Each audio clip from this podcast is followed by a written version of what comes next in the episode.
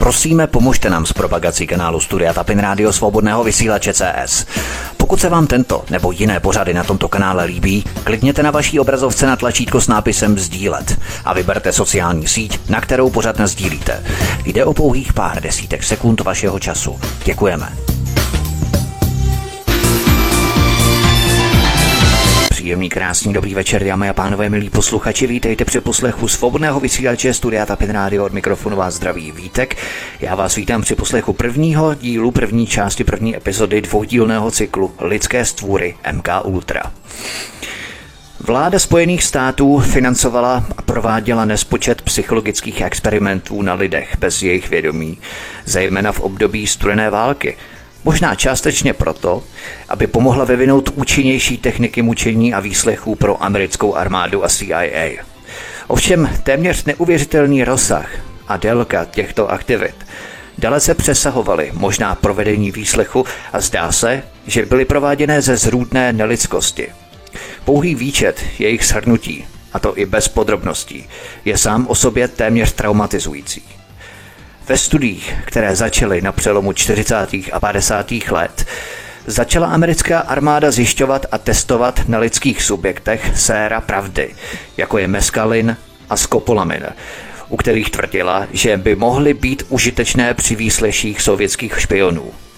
Tyto programy se nakonec rozšířily do projektu obrovského rozsahu a obrovských ambicí, který byl soustředěný pod CIA v rámci projektu, jemuž se začalo říkat MK Ultra. To byl rozsáhlý soubor projektů, výslechů a kontrol mysli CIA.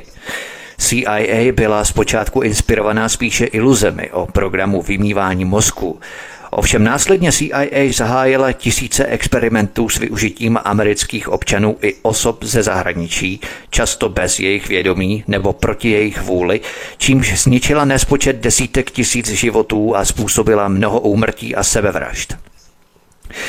Tento desítky let trvající výzkum CIA částečně financovaný Rockefellerovou a Fordovou nadací a společně prováděný CIA, FBI a spravodajskými odděleními všech vojenských skupin, představoval obrovskou sbírku těch nejchladnokrevnějších a nejbezcitnějších zvěrstev, jaká si lze představit v rámci odhodlané snahy vyvinout spolehlivé techniky ovládání lidské mysli – Důvod, proč jsem se rozhodl zpracovat tuto tématiku, je ten, že dané projekty ovládání mysli na dálku jsou dnes velmi umlčované, ačkoliv na ně existují stovky veřejně dostupných odkazů, speciálně na jejich patenty.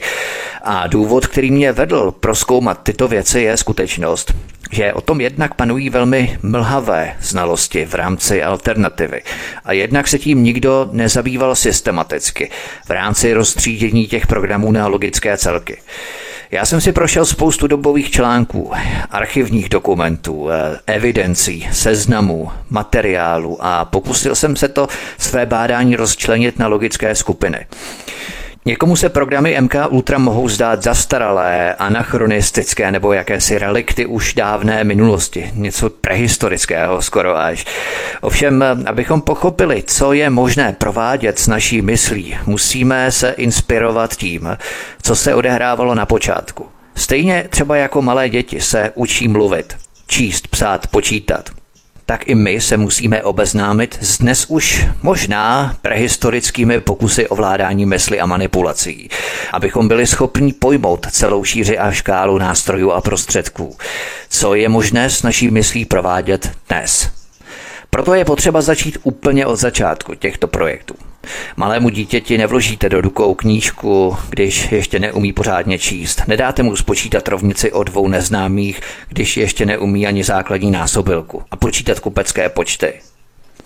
A právě tohle musí být naším prvořadým úkolem. Mít nějaké prerekvizitní znalosti, zázemí nebo background v angličtině, to znamená souvislosti, abychom mohli tu knížku číst a tu rovnici o dvou neznámých nebo s kupeckými počty počítat.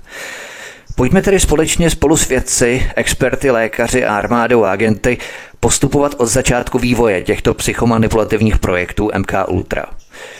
Já jenom doplním, že během těchto obou dílů budu oznamovat čísla odkazů, ze kterých čerpám, protože je limit znaků 5000 pro popis pořadů na Odyssey a celý odkazový aparát se mě tu prostě nevejde. Ovšem nemám problém komukoliv zaslat odkazy ke konkrétní kauze. Jenom mě prostě napište tady v komentářích klidně o čísla odkazů, které potřebujete, které chcete a já fakt nemám problémy zaslat. Nicméně kompletní materiál mám zdrojovaný samozřejmě z četných dobových článků, odtajněných PDF dokumentů CIA, archivních záznamů, novinových článků a tak dále. Budu o tom hovořit ještě závěrem druhého dílu, ale na tomto projektu MK Ultra jsem dřel skutečně skoro každou noc, vždycky pár hodin přes tři měsíce. I včetně překladu, což je další žrout času. Samozřejmě přes den musím pracovat, pak vysílat, plus mám nějaký soukromý život, eh, tak jediný čas, který mě na to zbýval, byla noc. Spánku málo, ale materiálu hodně. Pojďme tedy na první kapitolu našeho dvoudílného pořadu Lidské zrůdy MK Ultra.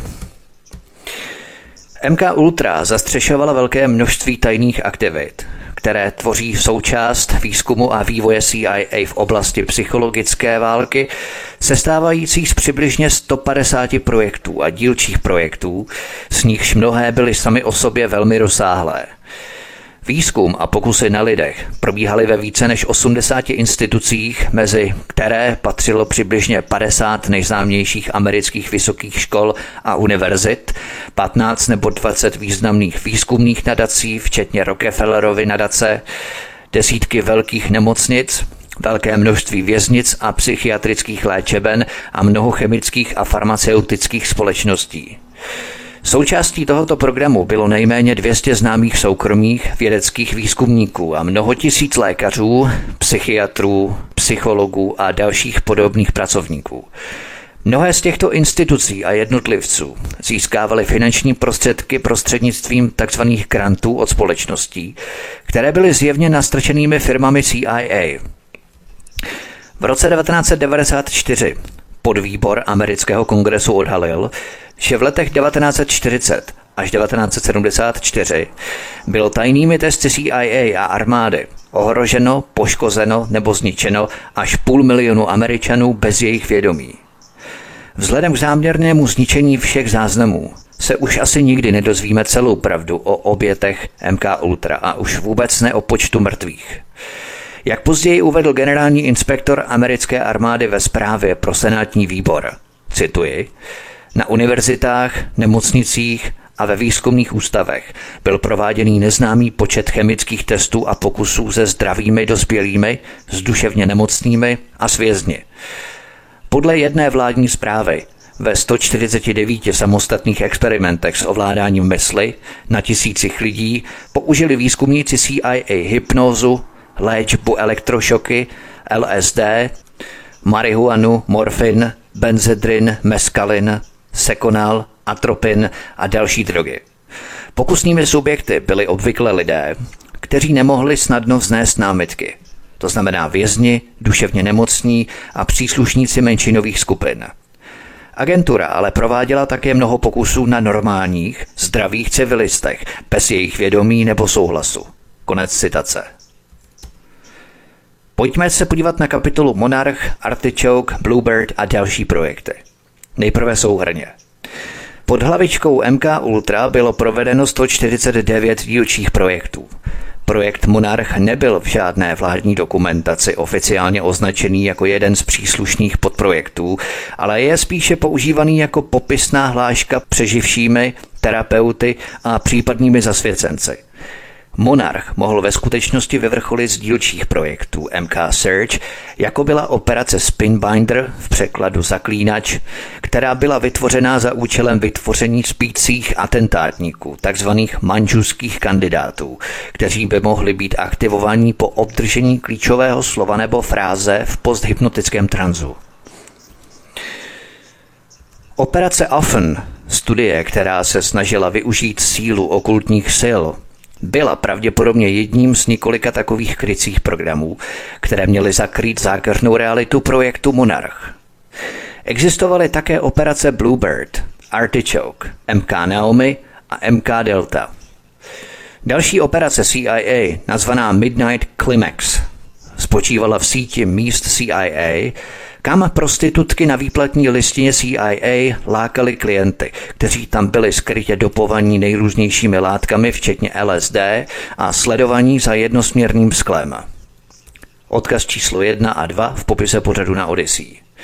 V tomto směru bylo vyvinuto několik významných operačních technik, včetně rozsáhlého výzkumu sexuálního vydírání, sledovací techniky možného použití drog měnící mysl při operacích v terénu.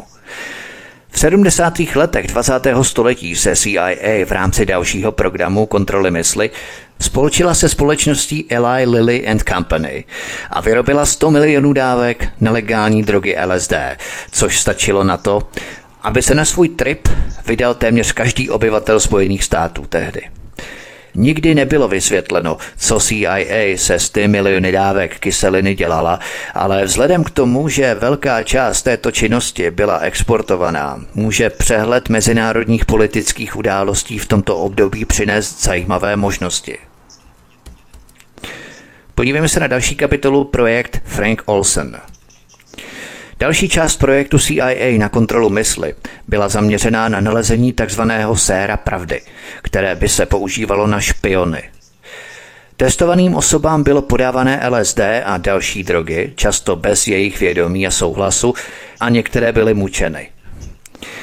Mnoho lidí v důsledku těchto experimentů zemřelo nebo bylo zabito a neznámý počet vládních zaměstnanců pracujících na těchto projektech byli zavražděni ze strachu, že by řekli, co viděli.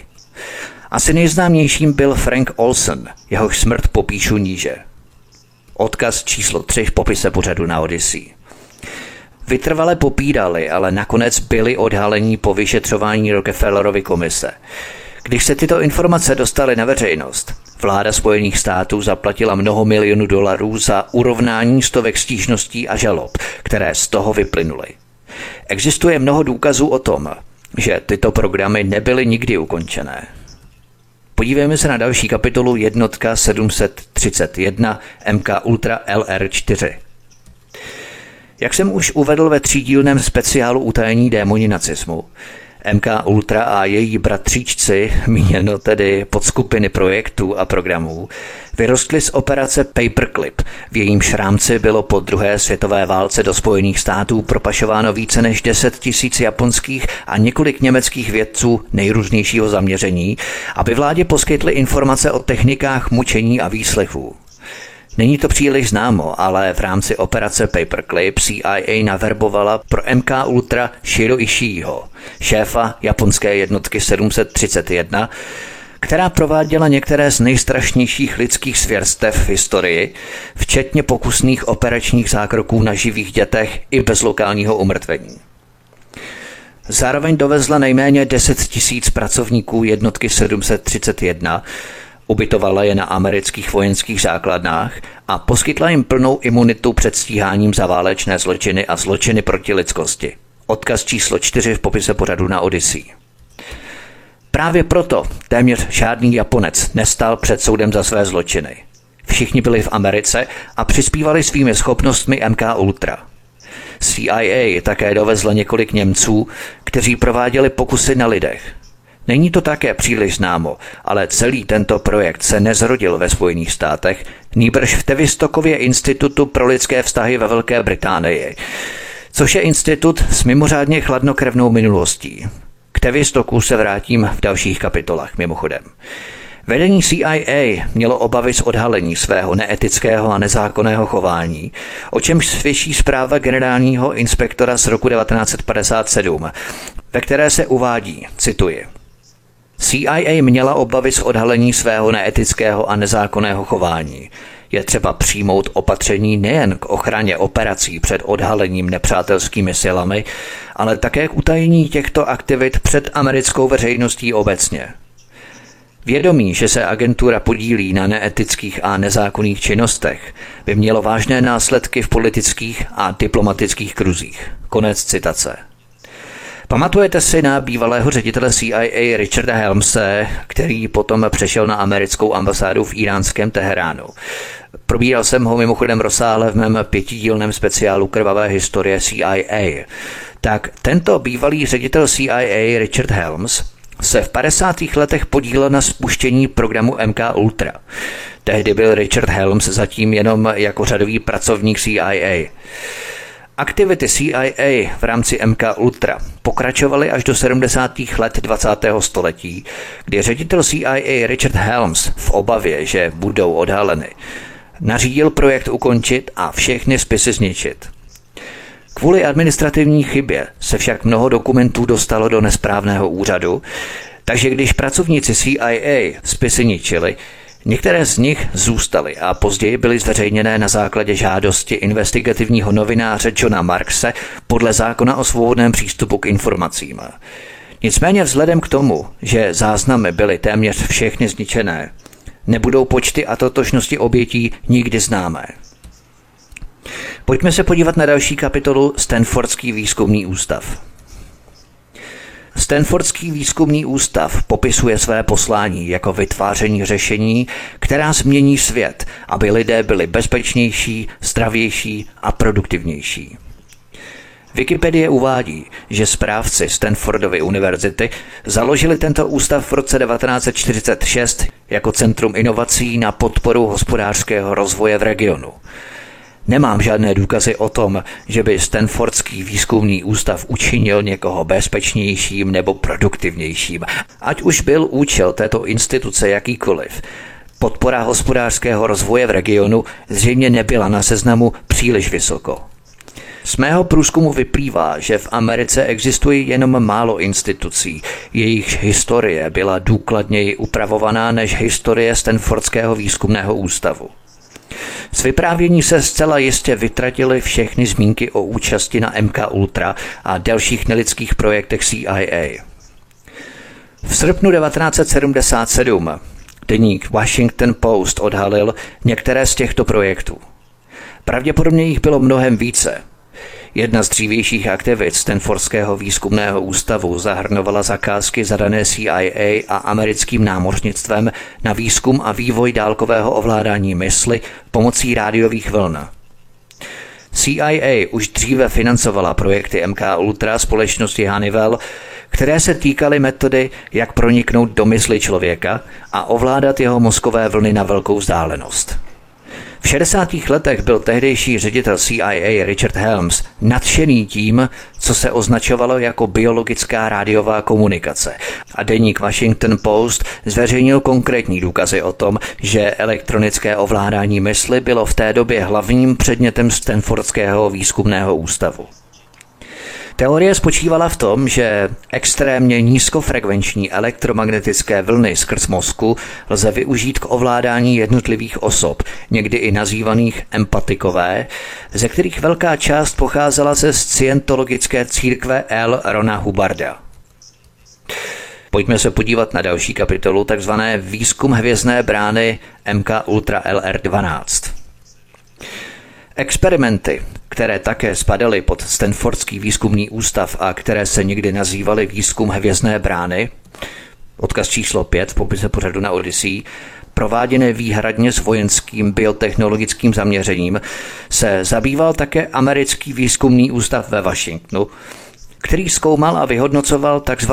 dálkové vidění, neboli potenciální využití psychických jevů ve vojenském a domácím provádění.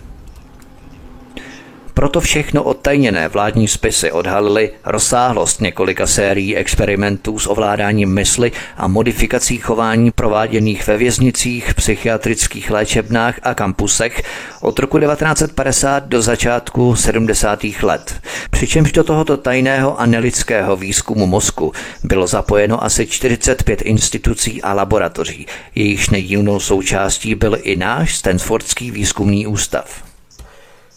Pojďme se podívat na další kapitolu vedení a rozsah programu MK, MK Ultra LR2. Tomuto projektu přímo velel jistý doktor Sidney Gottlieb.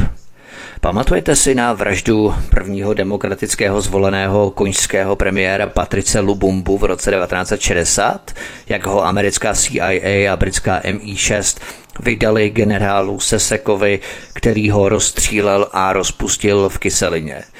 Probíral jsem to detailně v první epizodě krvavé historie CIA. Jedním ze zvažovaných pokusů byl totiž podstrčit Patrice Lubumbovi otrávenou pastu na zuby.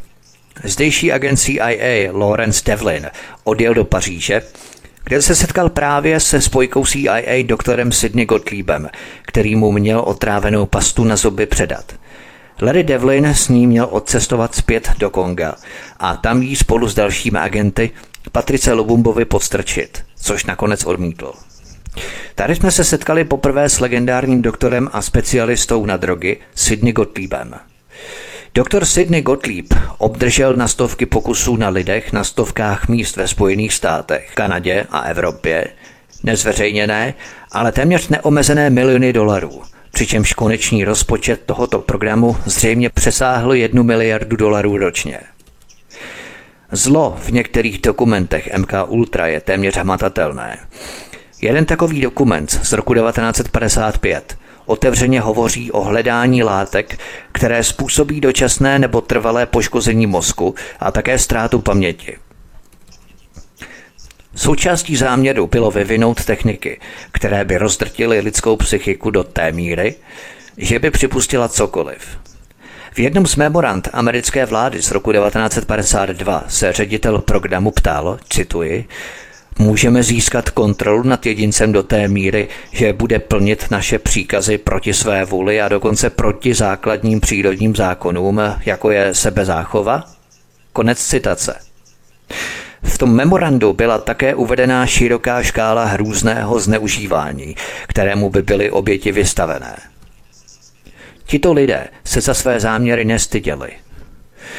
Ta mechanika totiž zahrnovala prapůvodní sexuální programování žen ve snaze eliminovat naučené morální přesvědčení a stimulovat primitivní sexuální vztyk, zbavený jakýchkoliv zábran. Tak chtěli vytvořit jakýsi sexuální stroj, dokonalou prostitutku pro diplomatickou špionáž. Několik badatelů tvrdilo, že sexuální apetit těchto žen byl u mladých dívek rozvíjený v jejich formativním věku, prostřednictvím neustálého incestu s vládním zaměstnancem, který byl záměrně stavěný do pozice jako otcovská postava dívek. Jednoduše malá holčička nucená k sexu s člověkem, který pracoval pro vládu a který vystupoval v roli otce holčičky, ačkoliv jím biologicky nebyl. Ta holčička ale byla o tom přesvědčená. Částečně tyto programy zahrnovaly úpravu lidské mysli prostřednictvím mučení, Třeba jedna část tohoto programu měla za cíl vycvičit speciální agenty jako nebojácné teroristy postrádající pod sebe záchovy, kteří by v případě dopadení dobrovolně spáchali sebevraždu. Experimentovalo se dokonce s elektronickými implantáty, neslyšitelnými zvuky, zprávami vloženými do podvědomí, drogami měnícími mysl a mnohým dalším.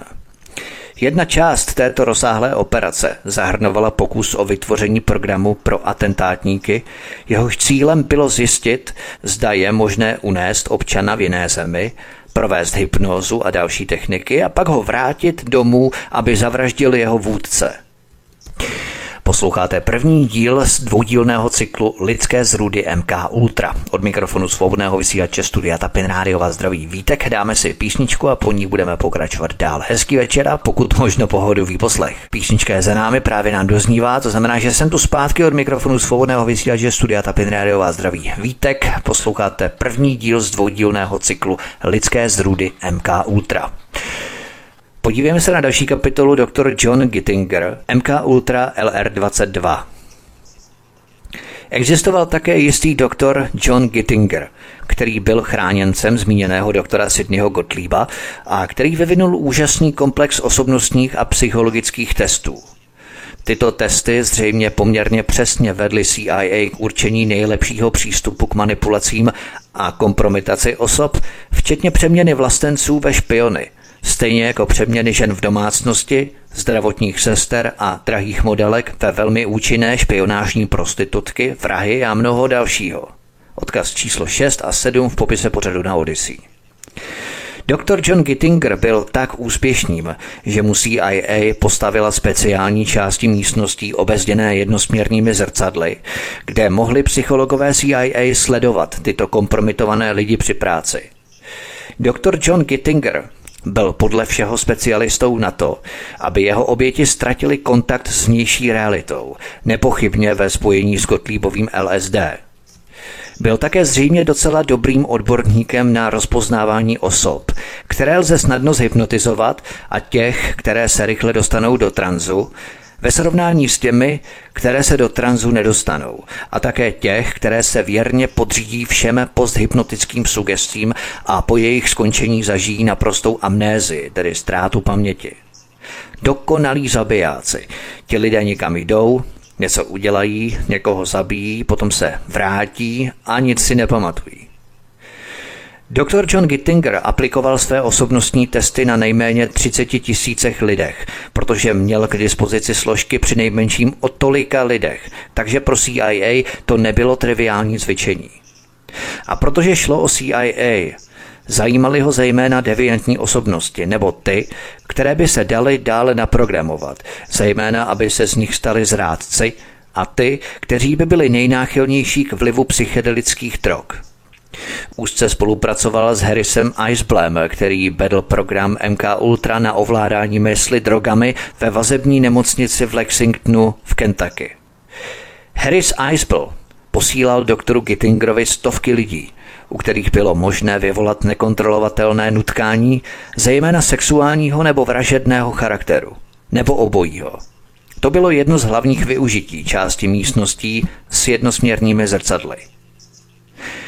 Ironií osudu to byl právě Gittinger, kdo nechtěně uvedl do pohybu kola impeachmentu a rezignace tehdejšího amerického prezidenta Richarda Nixona, když Daniel Eisberg, odkaz číslo 8 v popise pořadu na Odyssey, zveřejnil Pentagon Papers a John Enrichman, Nixonův osobní asistent, zařídil, aby se CIA vloupala do kanceláře Ellsbergova psychiatra a získala odtamtud kopii Gittingerova osobnostního a emočního testu tohoto muže, který měla CIA použít jako jakousi psychologickou cestovní mapu ke kompromitaci Ellsberga, stejně jako to udělala při využívání slabin mnoha jiných.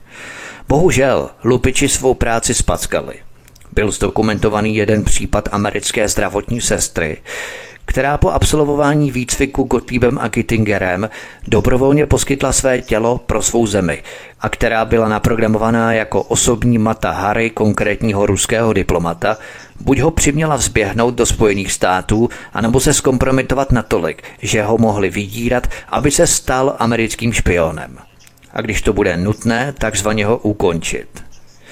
Velká část těchto setkání s takzvanými náborovými cíly se odehrávala v místnosti s jednosměrnými zrcadly a všechno bylo nahráváno na film, což byla jedna ze součástí sexuální technologie vyvinuté v úkrytech CIA v San Francisku v rámci operace Midnight Climax.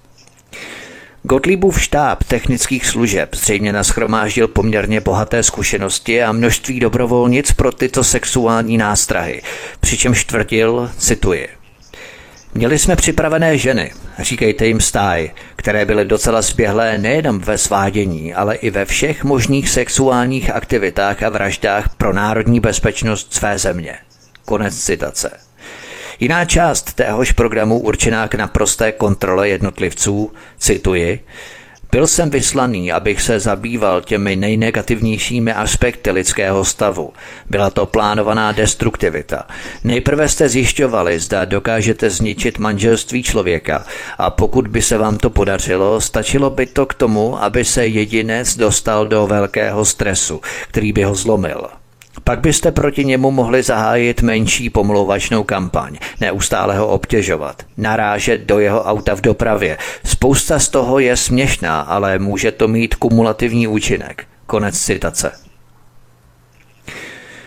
Teorie podle Gittingerových osobnostních testů spočívala v tom, že vytvoření dostatečného stresu z destruktivní osobní ztráty v kombinaci s dalším programováním, včetně aplikace psychochemických drog, nepřítele buď změní, nebo ho zcela zneškodní – to všechno CIA prováděla nejen v Americe, ale po celém světě, přičemž využívala Gittingerovy osobnostní profily k identifikaci vojenských a jiných vůdců v zemích, které chtěli Spojené státy případně napadnout. Psychologické testy v kombinaci se všemi dalšími špinavými triky tohoto řemesla, mezi které jistě patřily i zdravotní sestry, ženy v domácnosti a modelky, které bylo možné přesvědčit, aby v sobě objevili nekontrolovatelné nutkání dobrovolně obětovat své tělo pro svou zemi, významně napomáhali americké vládě dosazovat k moci ty, na které se dalo spolehnout, že budou poslušní svého koloniálního pána. Jižní Korea a Japonsko jsou toho dobrým příkladem, stejně jako mnoho zemí Latinské Ameriky. CIA s obrovskou pomocí Gottlieba a Gittingera dokázala vždy vytipovat spolehlivě ty, kteří se s největší pravděpodobností podvolí.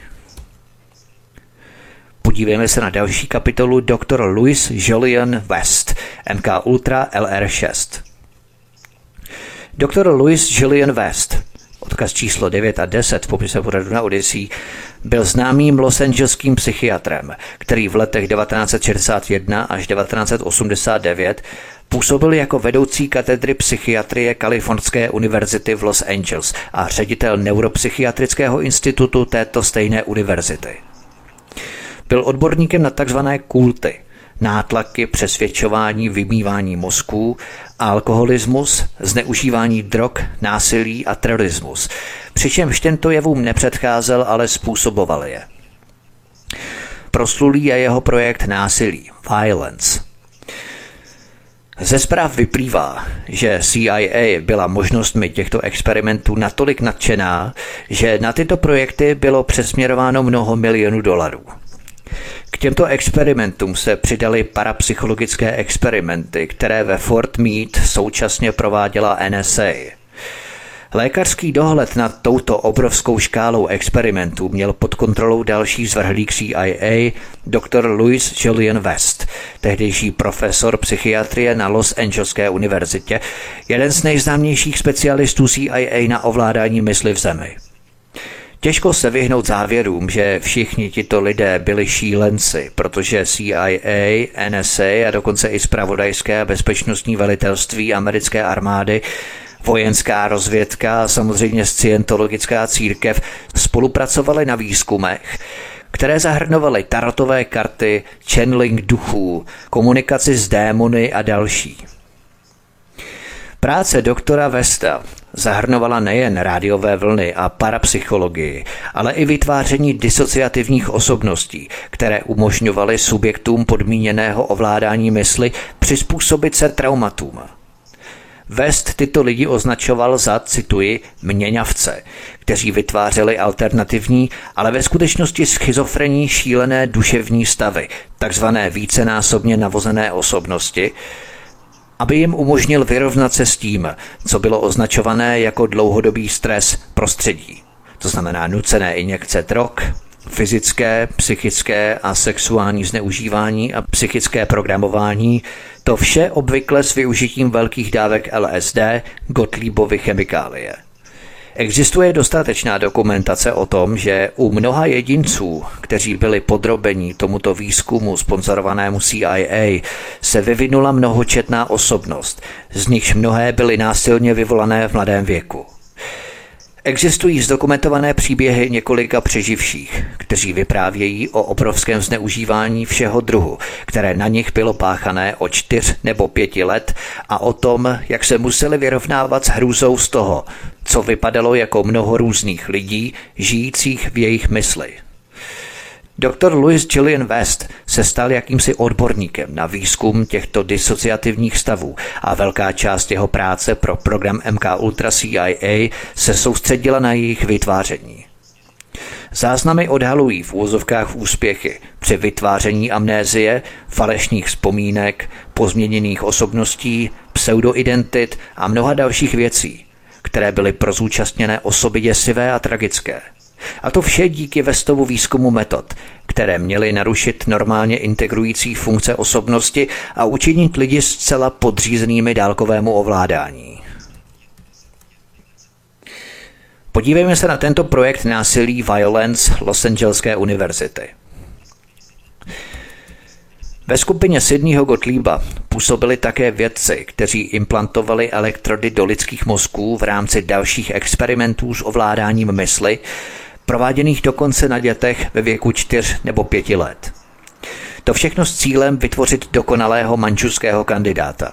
Stejně jako vymazat vzpomínky, vytvořit umělé vzpomínky a samozřejmě totálně ovládnout jedince. Tento výzkum elektrodových implantátů financovala CIA, MK Ultra ve spolupráci s Úřadem pro námořní výzkum Spojených států a většinou na něj dohlížel náš slavný doktor West. Louis Gillian West ve skutečnosti zahájil tzv. projekt Violence, násilí, Los Angeleské univerzity ve věznici Vekeville, kde byl zřejmě naprogramovaný Donald DeFries. Tyto projekty získaly velké množství finančních prostředků, včetně doktora Vesta. Podívejme se na doktora Herolda Wolfa.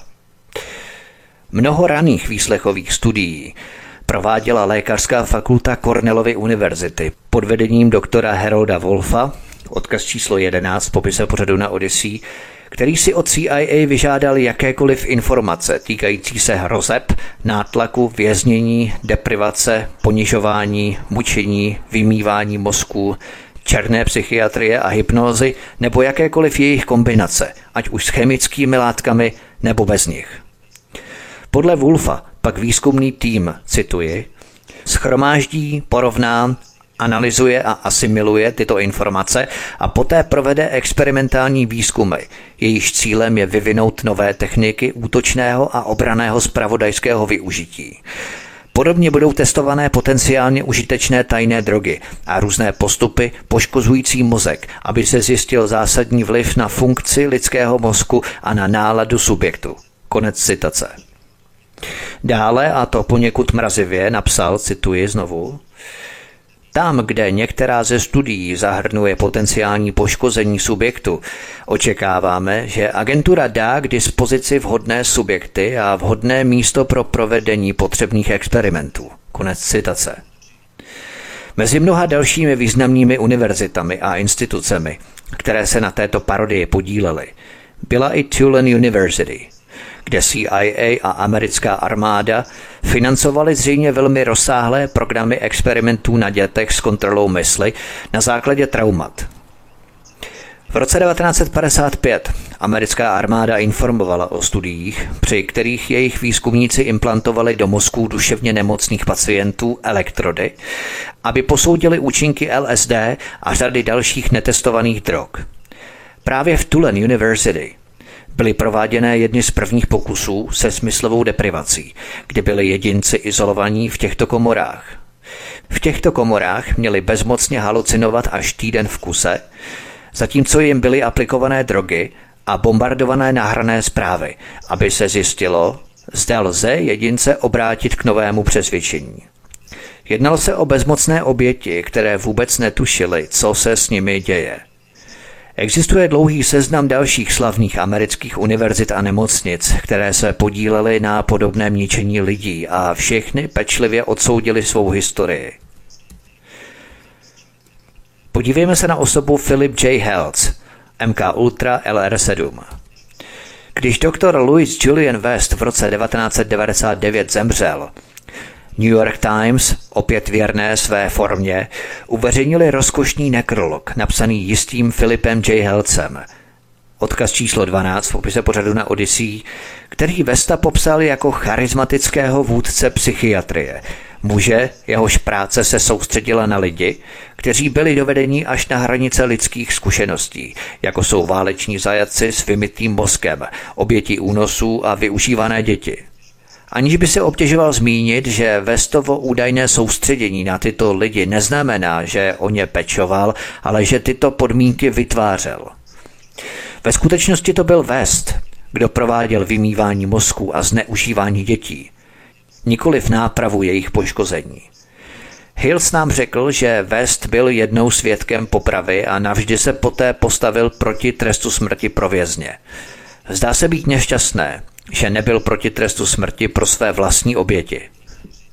New York Times nám říkají, že West byl parvitou postavou a živým člověkem. Jak milé. Všechny nekrology bývají pochvalné, pokud je píše rodina nebo přátelé. Ačkoliv když nekrology obsahující pouze komplimenty píší primárně zpravodajská média, má to silný vliv na vyvíjení, zkrášlení a přepsání historie. Právě tohle bylo jistě záměrem New York Times. Nic jiného by nemohlo vysvětlit tento zářivý popis. Pojďme se podívat na další kapitolu disociativní porucha osobnosti. Musím na chvíli odbočit a probrat stav, který se obecně označuje jako mnohočetná porucha osobnosti nebo disociativní porucha osobnosti. Je to stav, kdy se v mysli člověka vytvoří několik odlišných osobností, anebo osobností, které jsou z pravidla navzájem zcela uzavřené. Nejčastěji se vytváří jako obraný mechanismus, který má chránit zranitelnou mysl před zničením v důsledku prožitých hrůz. Zjednodušeně řečeno, zmučená mysl, která je svědkem nevýslovných hrůz, událostí příliš strašných na to, aby s nimi mohla žít, si vytvoří další osobnost, ve které bude žít a uzavře se před vědomím té druhé. K vytvoření těchto vícenásobných osobností nutí samotné hrůzy, které se skládají z nejrůznějších způsobů fyzického a sexuálního zneužívání, mučení, léčby drogami a elektrošoky, případně ze svědectví o smrti nebo zabití jiných dětí, což je zřejmě poměrně snadné, pokud se to děje dětem v raném věku. Amnézie, tedy ztráta paměti, je mezi těmito vícenásobnými osobnostmi naprostá. Když jedinec, v tomto případě dítě, funguje v jedné osobě, neví o existenci ostatních a funguje jako úplně jiná osoba. Stěny mezi těmito různými osobnostmi jsou postavené z ocely. Účelem vytvoření těchto vícenásobných osobností je, že lékař může ovládat a může kdykoliv vyvolat kteroukoliv z nich. A může v pravém slova smyslu každou z nich navrhnout, vytvořit pro ní falešné vzpomínky, historii, postoje, vzorce chování, loajalitu, morálku, všechno a zejména poslušnost. Abychom to pochopili, můžeme si volně představit člověka v hypnoze, který jedná a do puntíku plní různé posthypnotické sugestce a později má naprostou ztrátou paměti. Mnozí psychiatři tvrdí, že to v praxi není příliš obtížné. Teorie a metody jsou dobře ověřené. Jednou z červených nití, která se táhla všemi aspekty programu MK Ultra Sydneyho Gottlieba a která je jasně uvedená v dokumentu MK Ultra z roku 1955, bylo hledání látek, které u jedinců, kteří byli takto psychiatry CIA podmanění, vyvolají úplnou amnézii a ztrátu paměti za cenu trvalého poškození mozku. Ztráta paměti zahrnovala nejen činy prováděné jejich alternativními osobnostmi, ale i samotný fakt, že byly vůbec naprogramované. Podívejme se na další kapitolu Armáda sexuálně zneužívaných dětí ukrytá federály MK Ultra LR8. Už teď můžeme vidět vojenský a špionážní potenciál takových osob, pokud byly touto metodou vychované od dětství až do rané dospělosti. Alternativní osobnosti mohou být kurýry, to znamená nositeli informací, přičemž tyto informace přebývají ve skryté osobnosti. Nejsou přitom dostupné vědomému poznání jiné osoby, prostě jiný člověk tuto skrytou osobnost nepozná. Ovšem tyto osobnosti může vyvolat pouze agent na přijímající straně. Jednou z osobností může být třeba drogový kurýr nebo nájemný vrah, vycvičený nejen k nemilosrdnému zabíjení, ale i k dobrovolné sebevraždě, pokud je dopaden. Další osobností, na kterou se Gottlieb a jeho lidé specializovali, bylo vytvoření Lolity, dětské sexuální zvrhlice bez morálky a zábran, jejíž veškerý výcvik a cíl spočíval v umění sexuálně přitahovat muže, kompromitovat je při přípravě na vyjírání, anebo je dokonce zabít, pokud se kompromitace nezdaří. V podstatě jakýsi lidský robot, který bez váhání splní jakýkoliv příkaz nebo pokyn. A metoda vynucení vytvoření těchto programovatelných mnohočetných osobností spočívá ve zneužití dítěte. Fyzické a sexuální zneužívání, mučení, bolest, elektrošoky, léčba drogami – Nejen osobní prožívání, ale i svědectví nevýslovných hrůz na druhých automaticky vytvoří úrodné pole mnohočetných osobností, které nyní může lékař naprogramovat. Můžeme se třeba potom ptát, zda i Lolity na Lolita Expressu Jeffreyho Epsteina podstoupili podobnou techniku ovládání v rámci precizovaných programů CIA, MK Ultra ve snaze mít kompromitující materiály na bankéře, na kapitány průmyslu, politiky, ministry, krále, prince, prezidenty. Jen si to představte, CIA vycvičila Lolity ke kompromitaci těchto všech osob v rámci sexuální kompromitace a CIA má taková videa natočená a pečlivě uschovaná.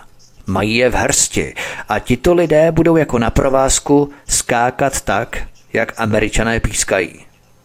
Možná právě takhle je ovládaná většina politiků a státních činitelů. Na těch vrcholných postech samozřejmě. Naprosto chladnokrevný systém. Odkaz číslo 13 v popise pořadu na Odyssey. Posloucháte první díl z dvoudílného cyklu Lidské zrůdy MK Ultra. Od mikrofonu svobodného vysílače Studia Tapin Rádio vás zdraví Vítek. Dáme si písničku a po ní budeme pokračovat dál. Hezký večer a pokud možno pohodový poslech. Písnička je za námi, právě nám doznívá, to znamená, že jsem tu zpátky od mikrofonu svobodného vysílače Studia Tapin Rádio vás zdraví Vítek. Posloucháte první díl z dvoudílného cyklu Lidské zrůdy MK Ultra. Podívejme se na další kapitolu a teď osoba doktora George Estabrooks, MK Ultra LR10. Také hypnóza byla hlavní součástí programu CIA na ovládání mysli. George Estabrooks byl odborníkem na hypnózu, kterou ku podivu stotožňoval s vytvářením vícenásobných osobností a téměř trval na tom, že jde o dvě strany téže mince. Odkaz číslo 14 v popise pořadu na Odyssey. Možná to tak je, nemám tušení. Esta Brooks zřejmě využíval svou verzi hypnózy k programování amerických vládních agentů, i když není jasné, na základě čeho byl ale citovaný. Jak řekl, cituji, Klíč k vytvoření efektivního špiona nebo vraha spočívá v rozštěpení osobnosti člověka nebo vytvoření mnohonásobné osobnosti pomocí hypnózy. To není science fiction, já jsem to dokázal. Konec citace. Estabrooks ve svých publikovaných pracích otevřeně prohlásil, že to, co je potřeba, je jedinec trpící mnohočetnou poruchou osobnosti, který podle něj může už v osobnosti existovat, anebo být vytvořený terapeutem. Ve všech případech však tento stav vzniká v důsledku těžkého traumatu. Tak těžkého, že traumatickou epizodu nelze integrovat do prožitků jádra osobnosti. Zdaleka nejčastější příčinou poruchy mnohočetné osobnosti je zneužívání v raném dětství, obvykle způsobené rodičem nebo jiným dospělým opatrovníkem. Jak uvedl doktor Frank Kutnem v roce 1989, cituji, zaráží mě kvalita extrémního sadismu, kterou uvádí většina obětí poruchy mnohočetné osobnosti – Mnoho takových lidí vyprávělo o tom, že je sexuálně zneužívali skupiny lidí, že je rodinní příslušníci nutili k prostituci, anebo že je nabízeli jako sexuální lákadlo matčiným nápadníkům. Poté, co člověk pracuje s řadou pacientů s poruchou mnohočetné osobnosti, je zřejmé, že závažné, trvalé a opakované zneužívání dětí je hlavním prvkem při vzniku této poruchy. Konec citace. Pokud je zneužívání extrémní povahy přirozenou lidskou reakcí, je postavit si kolem takových zážitků tak říkajíc zeď tím, že se vytvoří samostatnou a odlišnou osobnost, která se vypořádá s budoucími epizodami zneužívání. Jakmile je základní osobnost rozštěpená, je pak možné ovládat jednu nebo více alternativních osobností, které byly vytvořené bez vědomí hlavní osobnosti. Tím podle Esta Brookse vzniká superšpion, který je ochotný bezvýhradně plnit rozkazy, aniž by si to uvědomoval.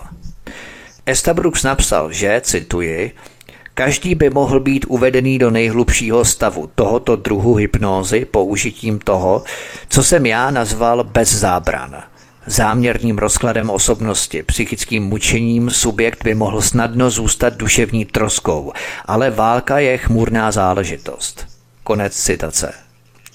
Říkal také, že hlavně děti jsou dobrými subjekty, protože jsou notoricky snadno hypnotizovatelné, nebo, jak to dokonale vyjádřil jiný autor, cituji, to znamená, že děti jsou obzvláště zranitelné vůči zneužití a mají větší sklon k disociaci traumatických zážitků, čímž se vytvářejí alternativní identity, které lze později zneužít a ovládat.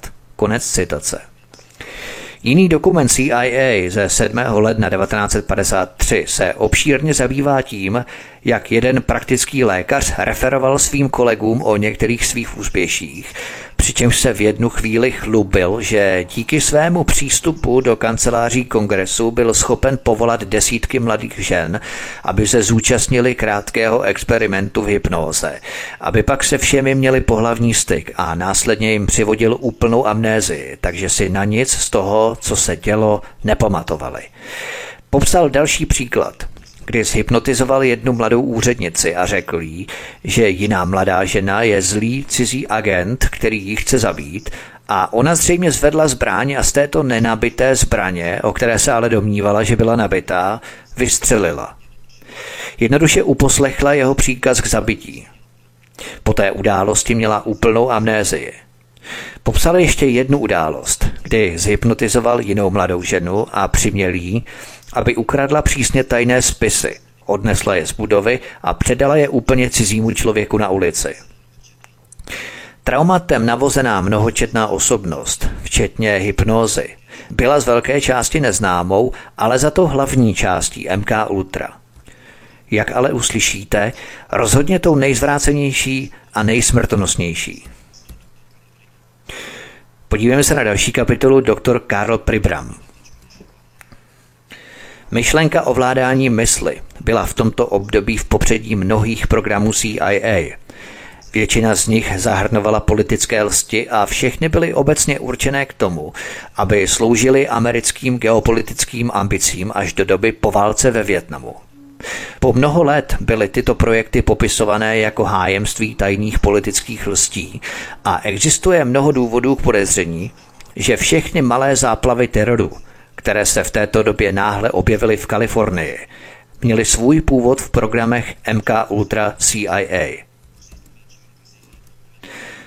Za prvé, CIA provozovala přísně tajný program kontroly mysli ve věznici Vacaville v Kalifornii, kde se používaly drogy jako LSD, elektromagnetické přístroje na kontrolu mysli a další. To vše z prostředků tajně směrovaných přes CIA. Doktor Karl Pribram, odkaz číslo 15 v pořadu na Odyssey, ředitel neuropsychologické výzkumné laboratoře, byl silným zastáncem těchto přístrojů na ovládání mysli a prohlásil, že cituji, Určitě bych mohl vychovávat dítě tím, že mu do laterálního hypotalamu umístím elektrodu a pak vyberu situace, při kterých ho budu stimulovat. Tímto způsobem mohu hrubě změnit jeho chování. Konec citace. Časopis Psychology Today tehdy Pribrama hojně chválil jako Magellana vědy o mozku. Podívejme se na další kapitolu MK Ultra LR13. CIA a americká armáda se po desetiletí zabývaly rozsáhlými experimenty s modifikací chování dětí, přičemž většina těchto aktivit byla hluboce pohřbená, účty vyčištěné a záznamy zničené. V jednom takovém uváděném případě prováděli doktoři Sidney Malic, Bernard Wilkes a Harold Essecover experimenty, tentokrát financované CIA a Úřadem veřejného zdravotnictví, na 100 psychiatrických pacientech za použití různých drog a dalších technik kontroly mysli a psychochirurgických technik, po nichž bylo všech 100 pacientů podrobeno lobotomii a poté zlikvidováno. Mnoho podobných testů a experimentů se odehrálo v polepšovně pro mladistvé v Bordertownu v New Jersey, v různém místě mnoha experimentů CIA na dětech s modifikací chováním a kontrolou mysli, které měl z velké části na svědomí doktor Carl C. Pfeiffer z Emoryho univerzity. Podívejme se na další kapitolu doktor José Manuel Rodriguez Delgado, MK Ultra LR20. Některé z experimentů CIA zahrnovaly zavádění elektrod se současným uvolňováním drog nebo chemických látek přímo do mozku. Zástupce CIA pro většinu těchto prací byl dr. José Manuel Rodríguez Delgado. Odkazy číslo 16 a 17 v popise pořadu na Odyssey. Dr. Delgado byl profesorem fyziologie na univerzitě Yale a proslavil se výzkumem ovládání mysli pomocí elektrické stimulace v oblasti mozku s využitím kombinovaného rádiového vysílače, který stimuloval a zároveň monitoroval mozkové vlny EEG u oběti, které potom byly využívané k ovládání chování. Byl to právě Delgado, který vytvořil implantovatelná zařízení, která uvolňovala do specifických oblastí mozku kontrolované množství drogy, která měla ve spojení s rádiovými signály zajistit úplnou kontrolu nad jedincem. Jeden z jeho nejznámějších experimentů se týkal býka. Delgado vstupoval do ringu s bíkem, který měl v mozku implantovaný jeden z přijímačů a bík nabíhal na Delgada, Delgado potom stiskl tlačítko a bík se zastavil. Videozáznam z této akce je k vidění dodnes. Odkaz číslo 18 popise pořadu na Odyssey.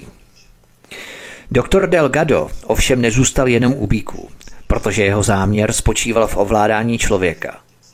Pro své subjekty mu CIA poskytla výzkumná zařízení v psychiatrických léčebnách, kde měl k dispozici mnoho desítek pacientů vykazujících různé duševní poruchy – do jejichž posků implantoval elektrody a mechanismy uvolňující drogy a prováděl výzkumy ovládání lidí.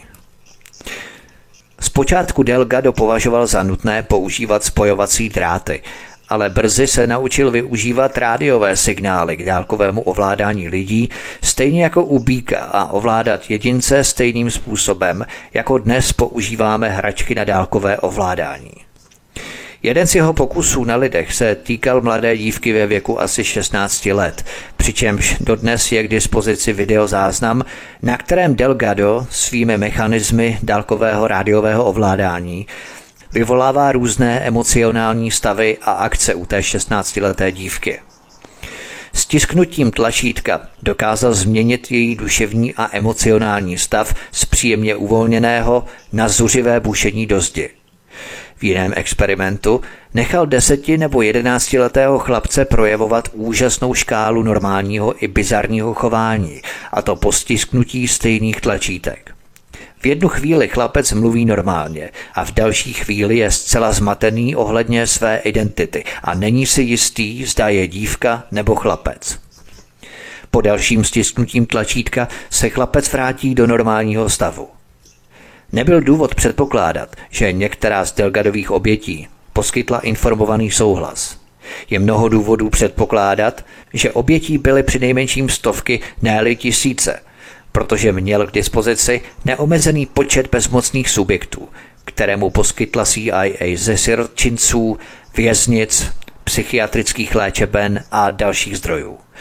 Jak uslyšíme na jednom příkladu z později, CIA také fakticky unášela děti z jejich rodin pod záminkou nezbytné léčby zdravotního stavu. Abychom si vytvořili představu o fungování mysli tohoto muže, doktora Delgada, poskytla webová stránka HRD Canada tento Delgadův citát, který je skutečnou perlou. Cituji. Potřebujeme program psychochirurgie pro politickou kontrolu naší společnosti. Cílem je fyzická kontrola mysli. Každý, kdo se odchyluje od dané normy, může být chirurgicky zmrzačen. Jednotlivec si může myslet, že nejdůležitější skutečností je jeho vlastní existence, ale to je pouze jeho osobní pohled. Chybí mu historická perspektiva. Člověk nemá právo rozvíjet svou vlastní mysl. Tento druh liberální orientace má velkou přitažlivost. Musíme elektricky ovládat mozek, Jednoho dne budou armády a generálové řízení elektrickou stimulací mozku. Konec citace. To je neskutečné a to bylo prosím pěkně před několika desítkami let, zhruba před půl stoletím. Jak to asi musí vypadat dnes, když ti psychopati, sociopati a deprivanti, teď míněno samozřejmě ti doktoři a CIA, tyto metody pořád precizují a zkvalitňují. To byla představa těchto psychopatů. Podívejme se na další kapitolu John Cunningham Lilly, MK Ultra LR21. Existoval také další slavný američan jménem John Cunningham Lilly. Odkaz číslo 19 v popise pořadu na Odyssey. Tento neurovědec a psychoanalytik se pro CIA specializoval mimo jiné na výzkum povahy vědomí. Jednou z jeho specializací bylo ovládání mysli prostřednictvím smyslové deprivace, což byl stav, který vylepšoval pomocí jím vytvořených izolačních nádrží, často v kombinacích s různými psychedelickými drogami, mimochodem oblíbenými Sidney Gottliebem. Jeho kombinace smyslové deprivace a halucinogenních sloučenin zřejmě dokázala při programování jedinců zázraky. Lily mu nechyběla představivost. Byl to muž, který vymyslel a rozvinul koncept implantace elektrod a vysílaček do mozků delfínů jejich ovládání pomocí rádiových signálů, následné připevnění silných min nebo bomb na jejich těla a jejich donucení plavat směrem k nepřátelským lodím, kde by bomby byly odpálené dálkovým ovládáním. Dokonalé maskování, protože každý ví, že delfíni jsou přátelští. Spojené státy toho dobře využili ve Větnamu. Možná třeba znáte dvoudílnou rozhlasovou hru Až delfín promluví od Roberta Merleho. To je úžasná hra mimochodem. Ta hra pojednává o tom, jenom bez jak jsou delfíni naučení mluvit. To je trochu sci-fi samozřejmě pro účel této hry, ale hlavně jak jsou potom tito delfíni využití armádou k odpálení bomb a min u nepřátelských plavidel, které měly připevněné k jejich tělům. Ti delfíni, jak byli chytří, tak v této hře přehryzali provazy, kterými ty miny byly připevněné k jejich tělům, ale je to naprosto uchvatná hra. Ovšem, já jsem to vždycky poslouchal a myslel jsem si, ano, tak armáda může vymyslet letos, ale tohle přece není možné. Ale daleko horší je se potom dozvědět, že takové experimenty prostě byly skutečné, nikoli fikcí. New York Times samozřejmě napsali tomuto šílenému věci oslavný nekrolog. Odkaz číslo 20 v popise pořadu na Odyssey. Podívejme se na další kapitolu John Malholland, MK Ultra LR24. V Gottliebově verzi světa hrála roli dokonce i magie. V 50. letech byl John Malholland vlastním jménem John Wickiser, snad nejslavnějším kouzelníkem ve Spojených státech amerických, vysoce ceněným pro své schopnosti na jevišti i v blízkém okolí. A právě tyto schopnosti zaujaly Gottlieba natolik, že Malholenda dlouhodobě zapojil do projektu MK Ultra, aby vytvořil komplexní výcvikový program pro agenty CIA. V plánu bylo vyškolit agenty v terénu, aby uměli míchat a tajně dodávat obětem drogy, chemické látky, smrtící jedy, tajně si vyměňovat informace, krást, likvidovat důkazy a vůbec se naučit všechny užitečné triky kejklířského řemesla. Malholland nakonec vytvořil příručku CIA pro triky a podvody, která je i po 60 letech stále klasifikovaná jako přísně tajná, ačkoliv byla vydaná a je k dispozici její zmírněná verze. Odkazy 21 až 23 v popise pořadu na Odyssey. Gottliebův hlavní záměr se zřejmě točil kolem dodávání jedů a smrtících toxinů těm, které chtěla CIA zlikvidovat, a to tak, aby to bylo provedeno nepozorovaně. Ale Malholendova příručka šla zřejmě ještě mnohem dál a zaměřovala se na sabotáže, masovou distribuci patogenů a mnoho dalšího. Obsahovala dokonce samostatné oddíly o metodách lstí pro mužské a ženské agenty a pro agenty pracující ve dvojicích. Zatímco méně špatné projekty MK Ultra byly už odhalené více než 20 let předtím, skutečně hrůzná část MK Ultra Část týkající se sexuálního a mučivého programování dětí unikla pozornosti především proto, že CIA zničila veškerou dokumentaci projektů a že oběti byly tak účinně a úspěšně naprogramované. Byla to téměř náhoda osudu, která tato temná tajemství odhalila. Podívejme se na další kapitolu Gottliebova komnata hrůzy Sirhem Sirhem a Theodor Kečinský MK Ultra LR14. Děsivou vedlejší poznámku k těmto experimentům jsou přetrvávající tvrzení a v některých případech i značné důkazy, že některé slavné osobnosti americké minulosti byly oběťmi těchto experimentů MK Ultra. Patří mezi ně Una Bomber, respektive Ted Kaczynský a Sirhem Sirhem, který zastřelil Roberta Kennedyho 5. června 1968 a Lee Harvey Oswald, který zabil amerického prezidenta Johna Kennedyho 22. listopadu 1963. Oswaldův dlouholetý nadřízený byl údajně specialistou na MK Ultra a stejně jako řada dalších nájemných vrahů z černých operací CIA, z nichž několik zemřelo za pochybných okolností jen několik dní předtím, než stihli podat eh, svědectví proti CIA kvůli stejným operacím. Odkaz číslo 24 v popise pořadu na Odyssey. Podívejme se na další kapitolu MK Ultra LR15.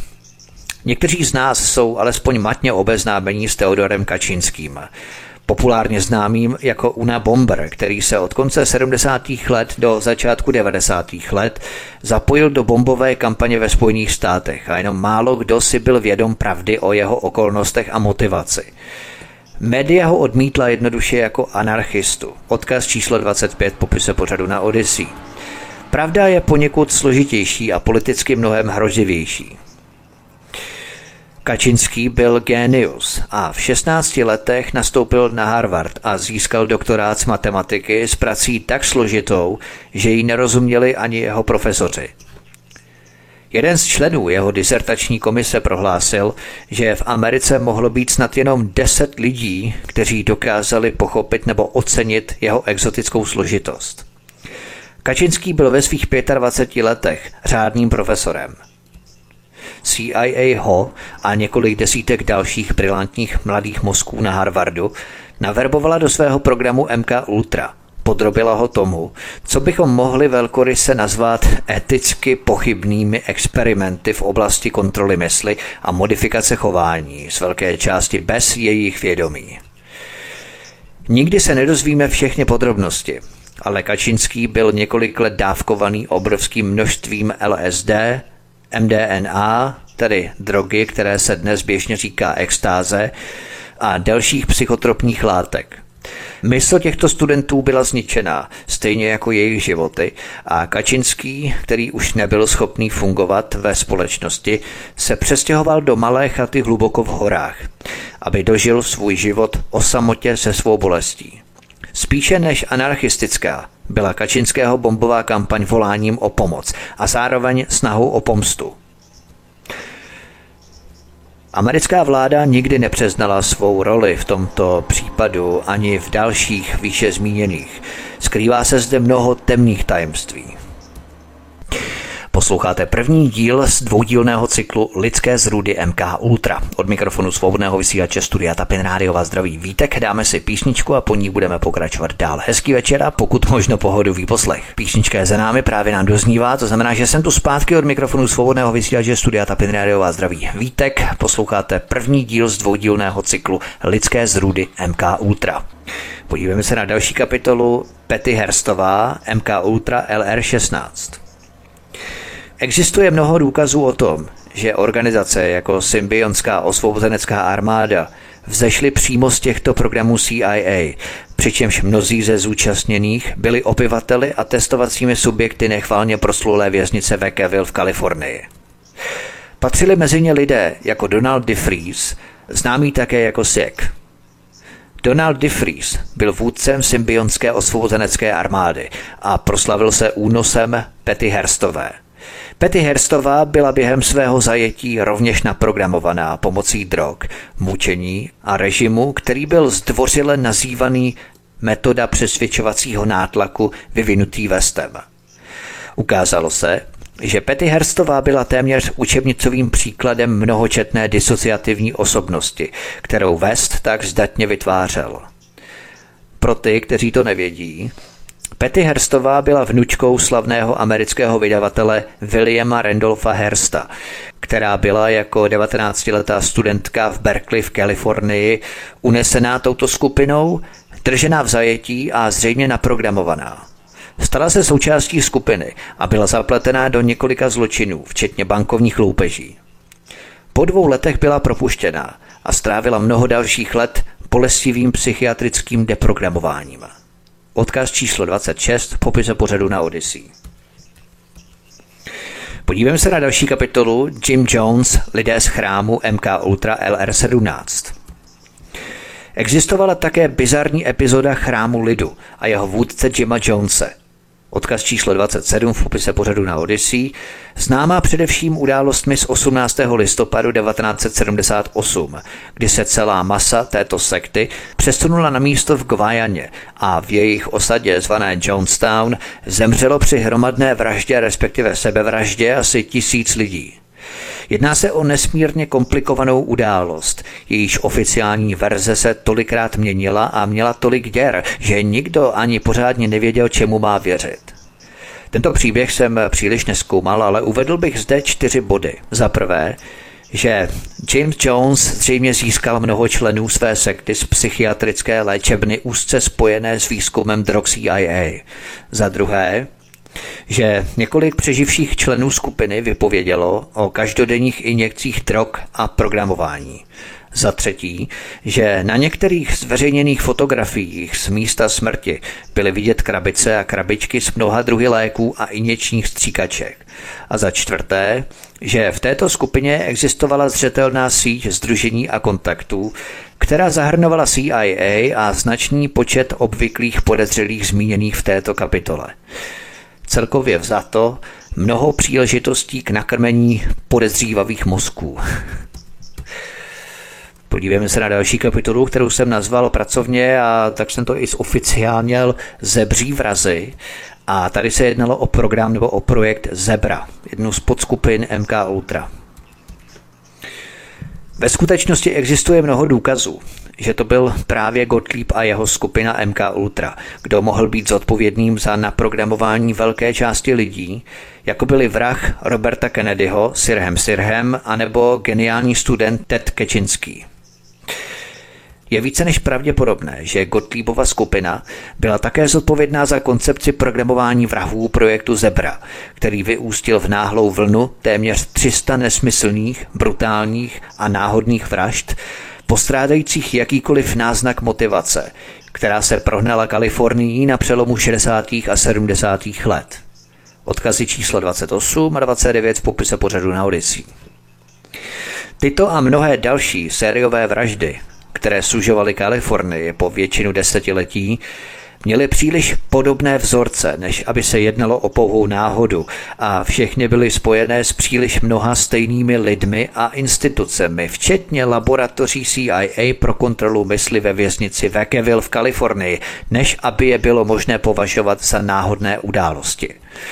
Všechny vraždy měly podobné vzorce, přičemž svědci neustále popisovali vrahy jako mladé černochy – Svědci tyto mladé černochy popisovali jako zombí bez života, bez výrazu a bez emocí, kteří prostě zabíjejí a utíkají. Studenti, prodavači, lidé procházející se po ulici nebo čekající na autobus, jiní v prádelně nebo u telefonního automatu, přičemž mnohé oběti byly nejen několikrát zastřelené, ale často také rozsekané mačetou.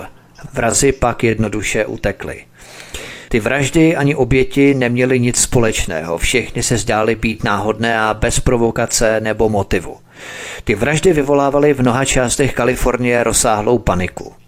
Jedna skupina vrahů, čtyři mladí muži, byla nakonec dopadená a když jeden z členů skupiny prozradil policii podrobnosti, Nikdy se nepodařilo zjistit příčinu ani motiv, ale podezření se pevně soustředilo na CIA a Gottliebovo psychonarkotické programování, protože přesně takový výsledek měl program vyvolávat. V jednom případě šla starší žena s manželem po ulici, když mladá žena, která se k ním náhle přiblížila, s překvapivým zrychlením pohybu vytáhla nůž a prořízla ženě hrdlo až na kost. Mladá žena pak se svou společnicí středního věku odešla ke svému autu, modrému kabrioletu BMW a klidně odjela.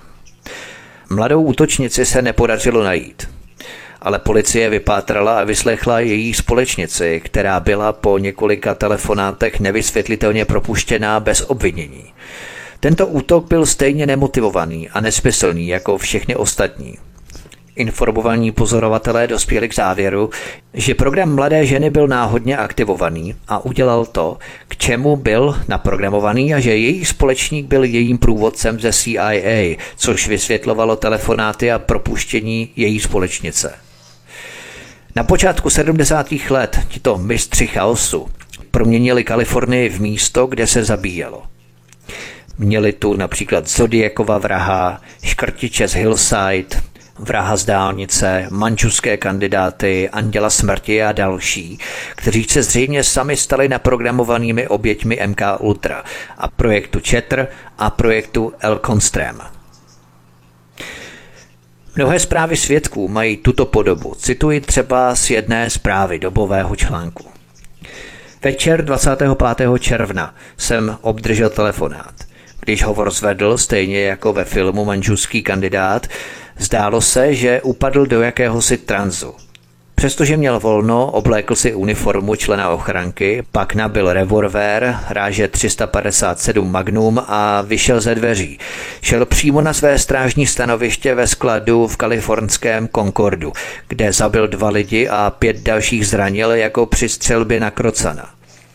Vraždy byly naprosto nevyprovokované a svědci ho popsali tak, že během útoku na nevinné lidi byl nejen bez výrazu, ale i jako zombie. Nějakém tranzu díval se na mě, ale díval se skrze mě. Policie uvedla, že když ho zatýkala, jeho jediným prohlášením bylo, ať tě provází síla. V Kalifornii se v tomto období odehrálo mnoho podobných incidentů se všemi příznaky a podobnostmi virové nákazy – pokud si představíme chřipkovou epidemii, tak infekce začíná pomalu, pak rychle dosáhne apogea jakéhosi krizového bodu velkého znepokojení veřejnosti a potom téměř náhle poleví a zmizí. A to byl do značné míry případ těchto nevysvětlitelných násilných vražd a divokých útoků, které se nikdy předtím nikde nevyskytly. Začaly, rychle postupovali až k epidemii nesmyslných náhodných vražd, zombí, pak náhle ustali a už se nikdy neopakovali. Právě tento vzorec v kombinaci se znalostí programu CIA na kontrolu mysli vedl mnohé k přesvědčení, že tato vlna bizarních aktivit byla výsledkem experimentů CIA na kontrolu mysli a jistě existovalo mnoho nepřímých důkazů, které tyto závěry podporovaly. Kdyby nebylo tolik dokumentace a důkazů, které to všechno potvrzují, vypadalo by to jako nějaká hrůzná zvrácená noční můra nebo scénář k hororu. Ale není to noční můra. Je to skutečné a to je pravděpodobně hlavní důvod, proč tehdejší ředitel CIA Richard Helms náhle nařídil úplné zničení všech záznamů CIA o MK Ultra. Záznamy byly zničené v okamžiku, jakmile byl program náhodně odhalený. Podívejme se na další kapitolu Oběti MK Ultra svědectví Klaudie Millerové. V březnu roku 1995 probíhala zasedání prezidentské poradní komise pro radiační experimenty na lidech, na kterých se sešla početná skupina vědců a lékařů aby se vyslechla svědectví o dlouhodobých projektech americké armády. V jejich rámci byly prováděné jaderné výbuchy v blízkosti obydlených oblastí za účelem zjištění účinků jaderného záření na nic netušící veřejnost. Právě na jednom z těchto zasedání se objevila Klaudie Millerová. Odkazy 30 až 32 v popisu pořadu na Odyssey. Klaudia Millerová sebou tehdy přivedla známého s podobnými zkušenostmi. Klaudia Milenová přednesla zhromážděné komisi množství dokumentů o rozsáhlém programu CIA, který byl prováděný na amerických dětech od 50. do 70. let 20. století. Klaudia a její spolupracovník přednesli stále více šokované a viditelně otřesené skupině vědců své informace o programu MK Ultra, který podrobil nespočet tisíc dětí mnohaletým procesům chladnokrevného a nelidského zneužívání a popsali programování kontroly mysli založeného na traumatech, jehož cílem bylo ze strany CIA sformovat z těchto dětí manžuské kandidáty, špiony, vrahy a sexuální vyděrače. Komise, budiší přičteno ke cti, skutečně provedla rozsáhlé šetření a zjistila, že CIA provedla nejméně 4 tisíce takových samostatných experimentů, které se týkaly téměř 25 tisíc dětských obětí. Vzhledem k rozsáhlosti programu a počtu zapojených institucí a vědců i lékařů se mnozí pozorovatelé domnívají, že celkový počet dětských obětí může být mnohem vyšší. Sidney Gottlieb vymyslel a zorganizoval rozsáhlou síť pokusů na malých dětech ve Spojených státech i Kanadě, která zahrnovala jejich udržování v zajetí, přičemž každé dítě bylo neustále programované do dospělosti. Mnohé z těchto dětí byly odebrané jejich rodičům nebo opatrovníkům v útlém věku za výslovným účelem jejich programování po dobu deseti a více let. Jiné byly odebrané ze sirotčinců a přinejmenším některé byly zřejmě unesené gotlíbovými muži přímo z ulice. Jiné děti byly ve skutečnosti vykoupené od bezstarostných rodičů, pěstounů anebo poručníků. Díky uniklým a otajněným dokumentům se nám konečně daří skládat některé střípky dohromady a některé z přeživších obětí teď přicházejí se svými příběhy. Americká vláda a CIA se stále pokoušejí o popírání, kterému nyní většinou nevěří. A proto se uchylují k soudům, aby prohlásili, že nejsou odpovědné z důvodu národní bezpečnosti, což je poslední útočiště vlády zbabělců. Podívejme se na další kapitolu Oběti MK Ultra svědectví Karen Wiltshirové. Karen Wiltshireová byla jednou z těch, kdo přežili a jako jedna z mála byla schopná prokázat svou viktimizaci tím, že získala lékařskou dokumentaci z Univerzity Johnse Hopkinse, kde její otec pracoval v laboratoři aplikované fyziky. Karen Wiltshireová byla odebraná rodičům a umístěná do dětského domova na Johns Hopkins, přičemž rodičům bylo zřejmě řečeno, že její umístění do ústavu je nezbytné kvůli vzácné srdeční vadě. Karen Wilshireová byla vězněna od roku 1961 do roku 1970. Neustále jí bylo podávané LSD, dostávala elektrošoky, opakovaně se setkávala s traumaty a sexuálním zneužíváním a byla podrobena tomu, co sama nazvala dalšími podivnými experimenty. Uvedla, že postupně pochopila, že jedním z účelů jejího uvěznění bylo, že byla, cituji, trénovaná k odstranění emocí a citů pomocí nejrůznějších mučících a jiných technik. Konec citace. Byla jedním z Gottliebových dětí z mančuského kandidáta. Když si Karen Wiltshireová konečně začala vzpomínat na tuto hluboce pohřbenou část své minulosti a skutečně získala dokumentaci a důkazy, které jí ty vzpomínky potvrzovaly, americká vláda jí řekla, že je jediným dítětem, které tyto zážitky zažilo. Ovšem při hledání pravdy o svém životě se Karen Wiltshireová setkala s mnohými dalšími, které jako děti zažili podobný osud. Karen Wiltshireová řekla, cituji, Plánem bylo vyplatit několik symbolických obětí a na zbytek se vykašlat. A že její zdroje z Pentagonu od té doby říkali, že se chtějí za každou cenu vyhnout zveřejnění těchto příběhů. Konec citace. Karenin případ je důležitý, protože nejen, že otevřela tuto pandořinu skřínku pro sebe, ale pomohla mnohým dalším lidem získat potvrzující důkazy o jejich vlastních podobných zkušenostech v této části Gottliebovy komnaty hrůzy. Karen Wiltshireová bohužel zemřela dříve, než se dočkala výsledku své intenzivní několikaleté snahy dozvědět se pravdu, ale podařilo se jí otevřít dveře mnoha dalším Gottliebovým dětským obětem. Podívejme se na další kapitolu Oběti MK Ultra svědectví Carol Rucové. Příběh, který vám chci teď vyprávět, se týká Carol Rucové, jedné z osob, kterým Karen Wiltshireová pomohla a která se dočkala výsledku. Pasáže, které následují, jsou Caroliným příběhem převzatým z jejího veřejného projevu, který pronesla před několika lety – její komentáře jsem seřadil, uspořádal a upravil pro, řekněme, stručnost a plynulost tohoto pořadu. Carol Rucová si nakonec nejenom vzpomněla na celou svou špinavou minulost CIA, ale napsala i knihu, ve které své utrpení popsala. Říkala, že od vydání její knihy jí kontaktovalo tolik lidí, že dokud si nepřečetli o jejich zážitcích, mysleli si, že jsou sami a blázně. Jak se ukázalo, nebyli ani jedno, ani druhé. Odkazy 33 až 35 v popise pořadu na Odyssey. Carol Rucová začíná slovy. Jako člověk, který přežil program CIA MK Ultra, jsem začala intenzivně pátrat, abych zdokumentovala některé z experimentů na kontrolu mysli, kterých jsem se stala součástí. Prostřednictvím řady žádostí, zákona o svobodném přístupu k informacím, na různá oddělení vlády a vyčerpávajícího výzkumu jsem schromáždila neuvěřitelné množství materiálů, které potvrzují mé osobní zkušenosti. Pokračuje. CIA si koupila služby od mého dědečka v roce 1952 a to od mých čtyř let. Naložil mě do malého kufříku, zatímco moje maminka rodila mou mladší sestru.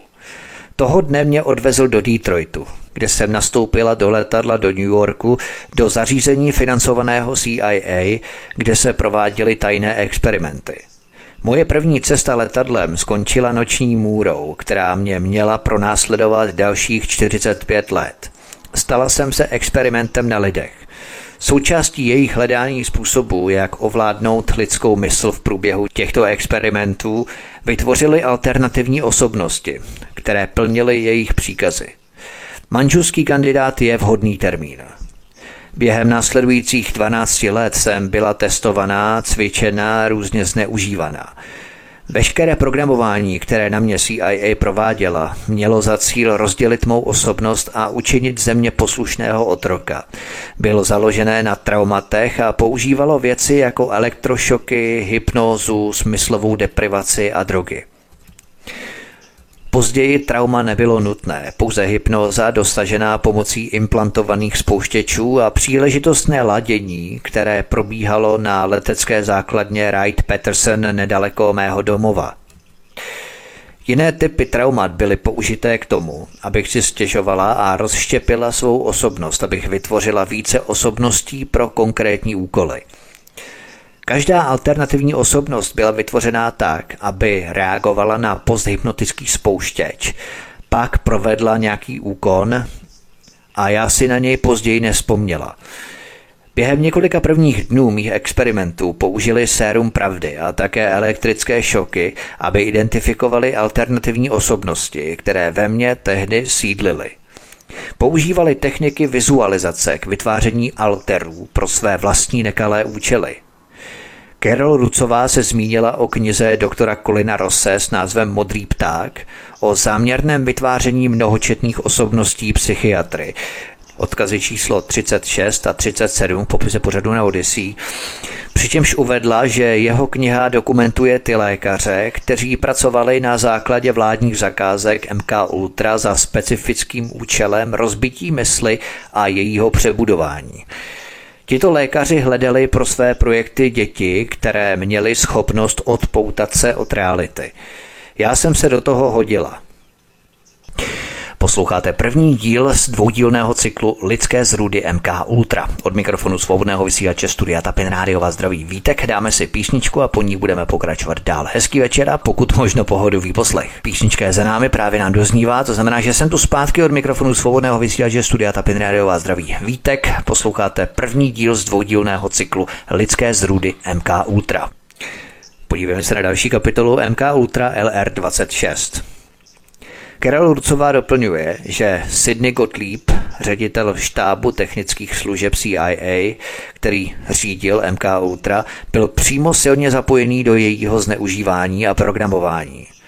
Řekla, že jedna její část byla jako část dítěte, kterou Gottlieb krmil sláhve, choval a živil, což bylo součástí programu, který jí k němu měl připoutat což popisuje jako vytvoření vnitřní bichotomie, kdy jsem si myslela, že jsem na něm závislá, pokud jde o výživu, jídlo, pití, lásku a tak dál. V souvislosti s Gottliebem Carol Rucová dále uvedla. Když v roce 1999 zemřel, můj program se okamžitě začal zhoršovat. Bylo velmi obtížné zvládnout a připustit protichůdné pocity lásky a nenávisti k tomuto muži. Část mého já ho milovala jako otce a jiná část mého já cítila nenávist a pohrdání. Během experimentů na mě byly do rukávových vodičů zavedené elektrody a můj mozek byl zkoumaný, zatímco někdo v místnosti zaznamenával, co se říká. Doktor Penfield jim řekl, že můj mozek je jako magnetofon a on mě jen potřebuje vrátit zpátky v čase. Dělal to tak, že se dotýkal různých míst v mém mozku. Vzpomínky vyvolávané obrazy z mé minulosti zaznamenávaly dál a Sidney Gottlieb je později použil pro budoucí programovací sezení. Byly zachycené detekovatelné energetické záblesky a byl pořízený záznam, který lékaře ujistil, že skutečně pracují s různými částmi mé osobnosti odděleně. A nezávisle na mě, které nakonec znovu probudí. Carol Lucová dále uvedla, že část toho, co zažila, bylo to, co nazvala obecným programováním v rámci hlavní řídící osobnosti a poté Gottlieb a jeho lidé budou pracovat na jejich dalších osobnostech. Řekla, Jedna z mých dětských alternativních osobností byla sexuálně vycvičená, aby kompromitovala muže z mocí, aby mohli být později vydíraní. Podle ní zažívala velké množství sexuálního programování, které eliminovalo veškeré naučené morální přesvědčení přeživší osoby, aby mohla funkci vykonávat bez zábran a které zahrnovalo dětskou pornografii, prostituci, sexuální výcvik používaný ve prospěch manipulátora pro vydírání a nebo osobní potřebu. Klaudia Milenová, o které jsem se zmínil výše, popsala velmi podobné zážitky z dětských let, kdy byla zajatkyní CIA.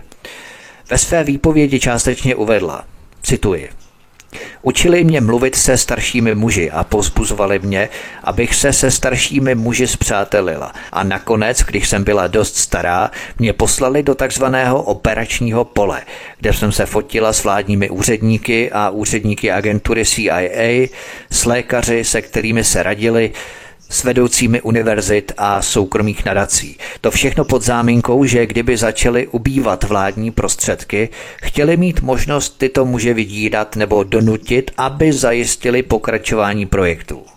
To byl konečný cíl. Projekty musely pokračovat za každou cenu.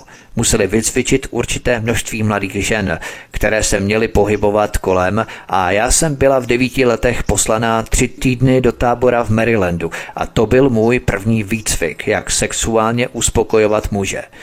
Prošla jsem výcvikem takovým seminářem, to je pravda. Tohle je další podporný důkaz toho, jak nebo jakým způsobem mohly být vycvičené i mladé dívky Lolity na Lolita Expressu Jeffreyho Epsteina. Naprogramované tak, že v nich spustili tuto část osobnosti z tréninku z výcviku třeba i v Marylandu, aby mohli díky kompromitujícím materiálům vydírat tyto lidi v případě, kdyby se vzpěčovali a neposlouchali by. Podívejme se na další kapitolu MK Ultra LR27. Carol Rucová řekla, že byla vytvořená další alternativní osobnost a bylo jí řečeno, že je to robot, který má ukládat informace, že existuje také vycvičený zabiják, spící vrah, který by necítil strach a byl by vycvičený v používání některých druhů zbraní nebo jiných metod zabíjení. Další součástí bylo autodestrukční programování nainstalované pro případ, že by si přeživší začal vzpomínat. Sloužilo k tomu, aby se zabránilo jejich zveřejnění. Další část autodestrukčního programu se podle ní týkala atentátů v případě, že byl přeživší zajetý. V každém případě by existovala naprostá ztráta paměti mezi jednotlivými osobnostmi a mezi nimi – Carol Rucová napsala, že získala jeden vládní dokument z 21. listopadu 1951, vydaný několik měsíců předtím, než na ní byl poprvé provedený experiment. V tomto dokumentu CIA ujišťovala, že tento projekt nebude nikdy zveřejněný. V dokumentu se píše, cituji, bylo by nutné být mimořádně opatrný ohledně důkladného utajení tohoto podniku. Nechtěl bych, aby se o něm dozvěděl kdokoliv zde, vymazáno, kromě vymazáno, A mě finanční prostředky potřebné na podporu práce by nenesly žádnou identifikaci a nevyvolávaly by žádné otázky. I uvnitř CIA by o našem zájmu o tyto oblasti a o totožnosti těch, kteří pro nás pracují, mělo vědět co nejméně osob. Konec citace. V dalším z dokumentů CIA, který Carol Rucová získala v roce 1951, se výslovně uvádělo, že budou prováděné experimentální studie a že zvláštní pozornost bude věnovaná disociativním stavům. Takové stavy lze vyvolat a do jisté míry kontrolovat hypnózou a drogami. Experimentátoři se budou zajímat zejména o disociativní stavy a bude učiněný pokus o vyvolávání řady stavů tohoto druhu. Budou zavedené studie učení, ve kterých bude jedinec odměňovaný anebo trestaný za svůj celkový výkon a posilovaný různými způsoby elektrických šoků a tak dále. V jiných případech budou použité drogy a psychologické triky k úpravě postojů jedince. Naše práce a práce jiných ukazují, že existuje velká pravděpodobnost, že po použití naší techniky bude zpravidla následovat úplná amnézie nebo téměř úplná amnézie. Carol Rucová také odkázala na další vládní dokument, tentokrát z roku 1954 získaný na základě žádosti zákona o svobodném přístupu k informacím a uvádějící některé oblasti zaměření tohoto programu. Uvedu tady několik z pasáží toho dokumentu, které Karol Rucová zaznamenává. Nejprve si ale povšimněme, že ten dokument začíná důrazným upřesněním, že tyto experimenty jsou praktický a ne teoretický výzkum, který se provádí. Povaha tohoto výzkumu, který má zahrnovat 20 specifických problémů, první pasáž, cituji. Můžeme během hodiny, dvou hodin, jednoho dne a tak dále navodit hypnotický stav u nedobrovolného subjektu do té míry, že vykoná nějaký čin v náš prospěch, v závorce dlouhý dosah. Mohli bychom se subjektu zmocnit a během hodiny nebo dvou ho posthypnotickým ovládáním přimět k tomu, aby havaroval s letadlem, zničil vlak a podobně? V závorce krátkodobá okamžitá činnost. Můžeme technikami navození spánku a hypnózy donutit subjekt, v závorce ať už nechtěný anebo chtěný, aby cestoval na dlouhé vzdálenosti, spáchal určité činy a vrátil se k nám, anebo přinesl dokumenty či materiály? Může osoba jednající pod posthypnotickou kontrolou úspěšně cestovat na velké vzdálenosti? Můžeme zaručit úplnou amnézii za jakýchkoliv podmínek. Můžeme vymyslet systém, jak z neochotných subjektů udělat ochotné agenty a pak tuto kontrolu přenést na neškolené agenty v terénu pomocí kódu nebo identifikačních znaků či pověření? Za normálních okolností by to znělo jako děsivá noční můra nebo scénář k Bčkovému filmu, kdyby ovšem neexistovaly vládní dokumenty, které svědčí o plánování a provádění právě takovýchto programů a experimentů. A kdyby neexistovaly osoby, které si nyní na tyto zážitky velmi podrobně vzpomínají, stejně jako na jména a tváře mužů, kteří je prováděli. A opět ničemu z toho nikdy nečelila žádná část americké vlády nebo jejich agentur, ani stovky či tisíce lékařů, kteří se na těchto nehorázných parodiích na malých dětech podíleli, ani renomované americké vzdělávací a lékařské instituce, které se na nich také ochotně podílely. S ničím z toho se nikdy náležitě nevypořádali.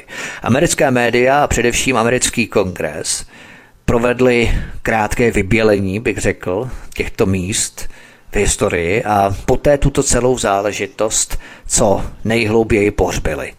To je konec pohnutého příběhu Carol Rucové. Podívejme se na další kapitolu příběh Candy Jonesové. Candy Johnsonová, vlastním jménem Jessica Erlin Wilcoxová, byla krásnou americkou modelkou, pin-up girl, spisovatelkou a moderátorkou rozhlasových talk show z období druhé světové války, o které bylo prokázáno, že byla tajnou agentkou CIA a obětí projektu MK Ultra. Odkaz 1 a 2 v popise pořadu na Odyssey také. Zdálo by se, že jde o zápletku hororu. Ale Johnsonová začala mít záhadné absence v práci nebo doma. Vracela se po několika dnech, aniž by věděla, že byla pryč a nepamatovala si, kde byla a co mohla dělat. Candy Jonesová se ukázala být ideálním hypnotickým subjektem a po několika z těch hodinách v hypnoze její lékaři a rodina poskládali dohromady alternativní osobnosti, které se v této ženě vytvořily. Odkaz 38, popise pořadu na Odyssey. Podle knihy Donalda Baina The Control of Candy Jones, cituji odkaz číslo 39 v popise pořadu na Odyssey. Erlín měla kvalifikaci k používání výbušnin, k boji zblízka s improvizovanými zbraněmi, jako je například špendlík na klobouky, a učila se o krytí a komunikaci. Učila se o tom, jak zabíjet holýma rukama, jak odolávat bolesti a jak se vypořádat s vyšetřovacími metodami. Jako Erlín, jedna z jejich alternativních osobností, tvrdila, že naštívila mnoho výcvikových táborů, vojenských základen a zdravotnických zařízení po celých Spojených státech i v jiných zemích. Zdá se, že její podmíněnost byla tak hluboká, že se Erlín na povel zabíjela a vždy u sebe nosila rtěnku, která obsahovala jed, jimž mohla v případě dopadení spáchat sebevraždu. Bain zdokumentoval třeba situaci v té jeho knížce, že aby demonstroval úspěšnost své práce na Erlín, vložil doktor Jensen zapálenou svíčku do Kendýny otevřené vagíny, přičemž ona nezaregistrovala ani bolest, ani strach což demonstroval v přítomnosti 24 lékařů v posluchárně v sídle CIA v Langley ve Virginii. Candy byla jako Erlín nejméně dvakrát vyslaná na testovací mise na Tchajvan, kde doručovala obálky. Tam byla mučená elektrickými paralyzéry, aby se zjistilo, zda se zlomí. Nezlomila se. Zdá se, že hluboce zvrácená sexualita byla implicitním prvkem tajné agendy v epizodách, které jsou znepokojivé a byla často svlékaná, ukládaná do postele, omamovaná, hypnotizovaná a mučená. Bejlova kniha obsahuje podrobnosti, které bychom raději ani nechtěli vědět. Vládní psychiatři Johnsovou rychle označili za syndrom falešné paměti, ale Bain zmiňuje jeden potvrzující důkaz, který se objevil, když Jonesová náhle držela pas Erlín Grantové. Jonesova v tmavé paruce a tmavě nalíčená tvrdila, že o pasu neví a ani si nespomíná, že by pózovala pro fotografie. Bain také poznamenal, že v roce 1971 byl v časopise Science Digest publikovaný článek odborníka na hypnózu George Estabrooxe, dalšího praktika MK Ultra, o kterém jsem hovořil dříve, kde Estabrooks otevřeně hovořil o úspěšném vytváření kurírů z amnézií, jakým byla podle svého tvrzení i Johnsonová. Tak, to je pro tento díl všechno, milí posluchači. Já se s vámi loučím pro dnešní den. Co uslyšíte příště? Podíváme se na holokaust malých dětí prováděných CIA a kanadský zločin století. Dále se podíváme na takzvanou spací místnost, ve které lidé ztráceli vzpomínky díky hypnoze a koktejlu drog. Další zneužívání dětí v zahraničí. Podskupina MK Ultra číslo 29 ale také proskoumáme život a smrt doktora Franka Olsna, který zažil otřesné věci ohledně mučení v britském Portendownu a o kterých chtěl promluvit a tak byl terminovaný, respektive ukončený. Rozumějme, zabitý. CIA také prováděla programy a projekty v zahraničí zvané MK Delta – Podíváme se třeba na tajemství francouzského městečka Pont Saint-Esprit, ve kterém v 50. letech lidé hromadně páchali sebevraždy, vyskakovali z oken příšerný experiment MK Delta podle otajněných dokumentů. Na to se podíváme v příštím díle, milí posluchači, takže pokud vás tento díl nevyděsil, a já věřím tomu, že ano, ale je potřeba opravdu, aby z nás ti mocní architekté toho našeho akvárie, zvané Planeta Země, nedělali pitomce, abychom opravdu věděli, co se děje v nejhorších kopkách spravodajských služeb. To je velmi potřeba proto, abychom poznali, co se s námi může dít i dnes. Jsou to všechno ověřená zdrojovaná data, já o tom ještě budu mluvit v dalším pořadu. Všude hlásím čísla odkazů, které vám, když tak pokud budete chtít, pošlu. Já budu velmi rád, když se přihlásíte, registrujete na kanál Odyssey a kliknete na tlačítko odebírat v rámci tohoto programu na kanále Odyssey. Což vám zajistí, že nezmeškáte i další díla a další díly ohledně mého různého pátrání pořadu, které chystám na svobodném vysílači Studio Tapin Radio.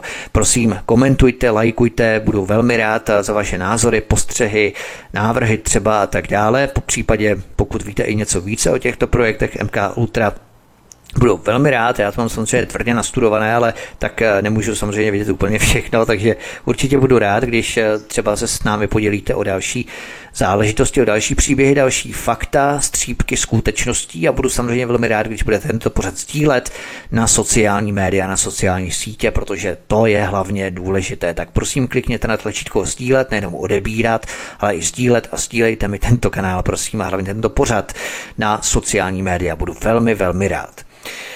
Od mikrofonu svobodného vysílače Studia Tapin Rádio vás zdraví Vítek, přeju vám hezký zbytek dne a příště u druhého dílu lidských zrůd MK Ultra se s vámi opět těším na slyšenou. Prosíme, pomožte nám s propagací kanálu Studia Tapin Rádio Svobodného vysílače CS. Pokud se vám tento nebo jiné pořady na tomto kanále líbí, klikněte na vaší obrazovce na tlačítko s nápisem Sdílet a vyberte sociální síť, na kterou pořád sdílíte. Jde o pouhých pár desítek sekund vašeho času. Děkujeme.